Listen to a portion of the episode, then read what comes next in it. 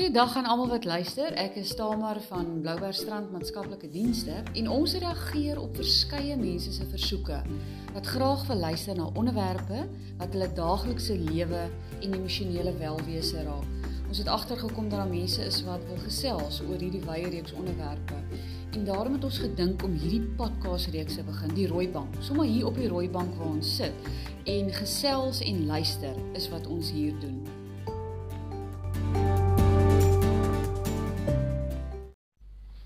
So vandag gesels ons oor die onderwerp empatie.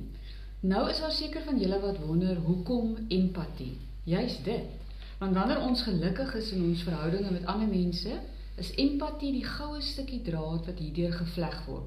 En is ook goed vir ons geestesgesondheid en dit help om koneksies met ander te behou. Deur empatie te hê, stel dit jou in staat om deur die oë van iemand anders na die wêreld te kyk En ek dink empatie is noodsaaklik om ook probleme te kan oplos. Kortweg gestel, dis goed vir jou, maar dis nie altyd maklik nie. Dis baie keer harde werk want jy moet regtig kan luister en verstaan. Nou iemand wat al diep spore in die lewe getrap het en wat met empatie leef en dit ook uitleef aan ander, is Tinus. Hy sit hier by my op die rooi bank en moet ek byvoeg Tinus sien ons regtig gaan uit om te hoor wat jy hieroor te sê het. Dankie Tamar. Nou met al die verskillende eise, Tinus, wat aan ons gestel word deesdae, kom empatie nie noodwendig sommer net maklik nie. Watter rol sou jy sê speel dit wanneer iemand moet aanvaar wat met hulle of met ander gebeur in hierdie tye waarin ons nou leef? Ja, my ervaring is dis regtig die grootste guns wat jy vir iemand kan doen wat deur moeilike tye gaan is om net regtig te luister nog voor jy begin antwoorde vind vir die persoon en nie uit jou eie verwysingsraamwerk te luister maar net regtig te luister. Want mense kan voel of jy regtig omgee vir wat hulle sê en of jy maar net luister om raad te gee. Daar's daar's 'n groot verskil. Uh, mense moet regtig geduldig genoeg wees om die persoon toe te laat om die hele storie te vertel want elke persoon se krisis is vir hom of haar op daai stadium die grootste ding wat met hulle gebeur het. En om met empatie te luister is om geduldig te wag dat die persoon die hele storie vertel en al die emosies wat dit beleef op een slag vir jou kan sê. Dis regtig die grootste guns wat mens vir mense kan doen. So, Tinus, watter verband is daaraan tussen empatie en wanneer jy nie veroordelend teenoor jou medemens behoort te staan? Hmm. Weet jy, enig lank lank terug het iemand vir my gesê dat as 'n mens deur 'n krisis gaan kry jy twee soorte mense wat reageer. Een tipe is hulle bedoel reg goed. Maar hulle is net sleg opgelei. So hulle bedoel goed, maar hulle sê die verkeerdste goed. Of ander is goed opgelei, maar hulle bedoel nie goed nie. Dit gaan eintlik net oor hulle self. So die belangrikste is net dat ehm um, as jy geen vooraf uitgewerkte antwoord het nie. Jy het nie vooraf bedoelings met wat jy met die persoon wil bereik nie. En dit gaan regtig oor jou nie, jy's net die aanhoorder. Dan kan jy rustig, geen veroordelend, net luister en 'n persoon kan eerlik wees met wat hulle beleef. Ehm um, dan is daar klaar al 'n stuk herstel wat gebeur nog voordat hulle sou raad kry. Of jy wil net hulle storie vertel en iemand moet regtig luister. Uh, maak 'n groot verskil. So ek wil daarby byvoeg in Engels sê hulle die magic van luister is om regtig te kan luister. En ek die meeste mense van ons meeste maak 'n fout. Jy het hulle klaar antwoord in jou kop. Ja. Waarby jy 'n persoon gaan antwoord en dan kom jy sien by die luister gedeelte uit. Dit is so waar wat jy sê. En is en is en is wreed. Ja. Teenoor die persoon as jy klaar die antwoord het dan voor die storie klaar vertel is. Dis onprofessioneel as jy dit professioneel doen, maar as jy eenvoudig wreed want dan gaan dit nie oor die persoon se seer nie. Gaan nie oor die persoon se vraag nie. Dit gaan oor jou antwoord. En dit is regtig net wreed en onregverdig. Absoluut.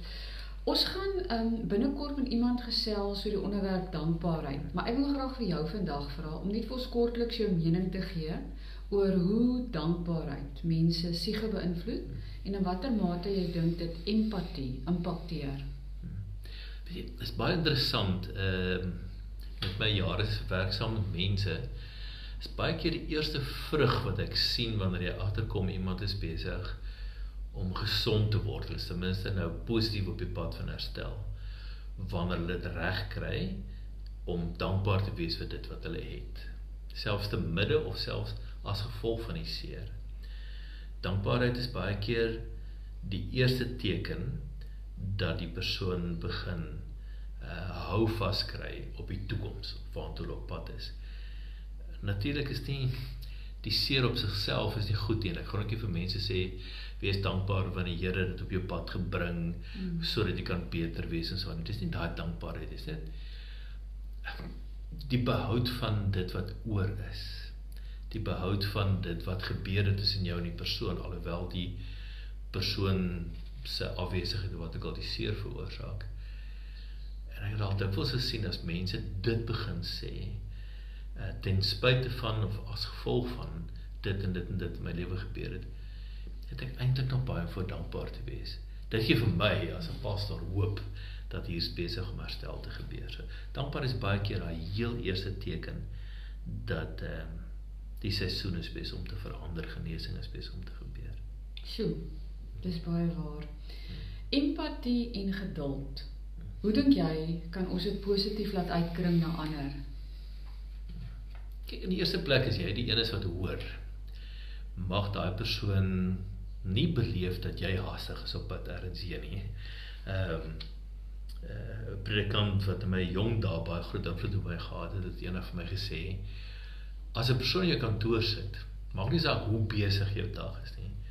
Dit wil vir daai persoon voel jy het niks beters om te doen, niks anders om te doen daai hele dag as om net vir haar uh, of vir hom te luister. So as 'n pastor is dit geweldig belangrik. As mense veral in daai eerste fase van seer voel jy is eintlik op pad ergens heen. Ehm um, dis nou net jy gee nou net vir hulle so of hulle is geëerd dat jy vir hulle 'n uh, eh, eh, uurtjie sou gee in jou besige program. Dan kan jy maar net sowel ophou dan is jy ook in geval nie die regte persoon met wie jy praat nie. Ja. En dan om hulle te kry om geduldig te wees dat die seer gaan nie môre en môre môre opgelos wees nie. Dit is 'n verantwoordelikheid van die luisteraar, van die empatiese luisteraar om vir die persoon dit te, te leer. Mm. Want seer wat so diep is, gaan 'n rukkie vat om te genees. As dit te gou aangaan, as mense te vinnig aanbeweeg en nie bereid is om die om die reisseisoen, rou seisoen deur te leef nie, dan kom daai goedere afval net oor 5 of 10 jaar terug en dan se seer is wat dit nou is.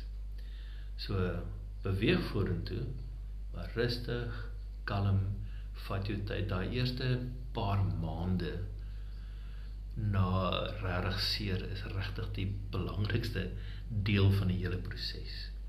Want dit wat jy daar toesmeer, gaan jou verseker inhaal 'n paar jaar later. En dit vat nogal uit 'n mens nie, want mens mm. kan nie ehm um, dinge gister laat gebeur nie. Mm. Soos jy sê geduld is regtig noodsaaklik, 'n deel van die proses. Ja. Ja, dis dis 'n stuk respek vir die grootheid van die seer. Mm, As jy aanjaag vorentoe jaag na die seer, dan uh, is dit asof die die rede vir die seer nie goed genoeg is nie, nie ja. genoeg ja. gewig dra nie. En as jy as 'n uh, pastor of terapeut die persoon aanjaag en nie geduld het met hulle nie, dan disrespek jy die seer en die rede vir die seer.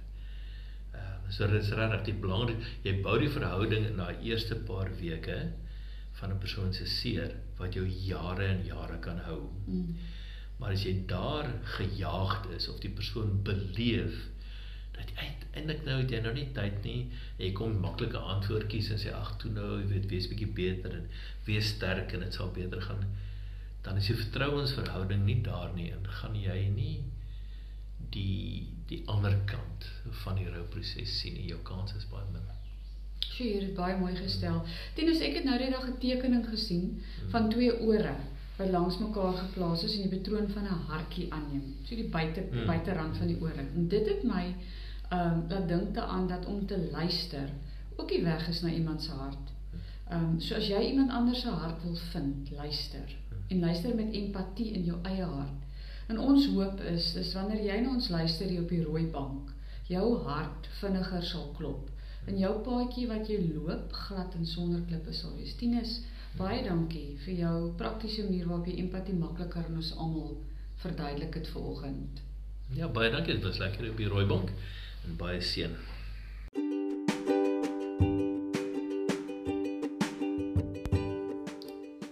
Baie dankie dat jy na hierdie podcast geluister het van BMB in samewerking met NG Kerk Blybergstrand. As jy voorstelle het vir nog onderwerpe of vrae het, is jy welkom om ons te kontak. Jy kan vir Tamar kontak by tamar@ngkblybergstrand.co.za of jy kan 'n e-pos stuur aan kantoor@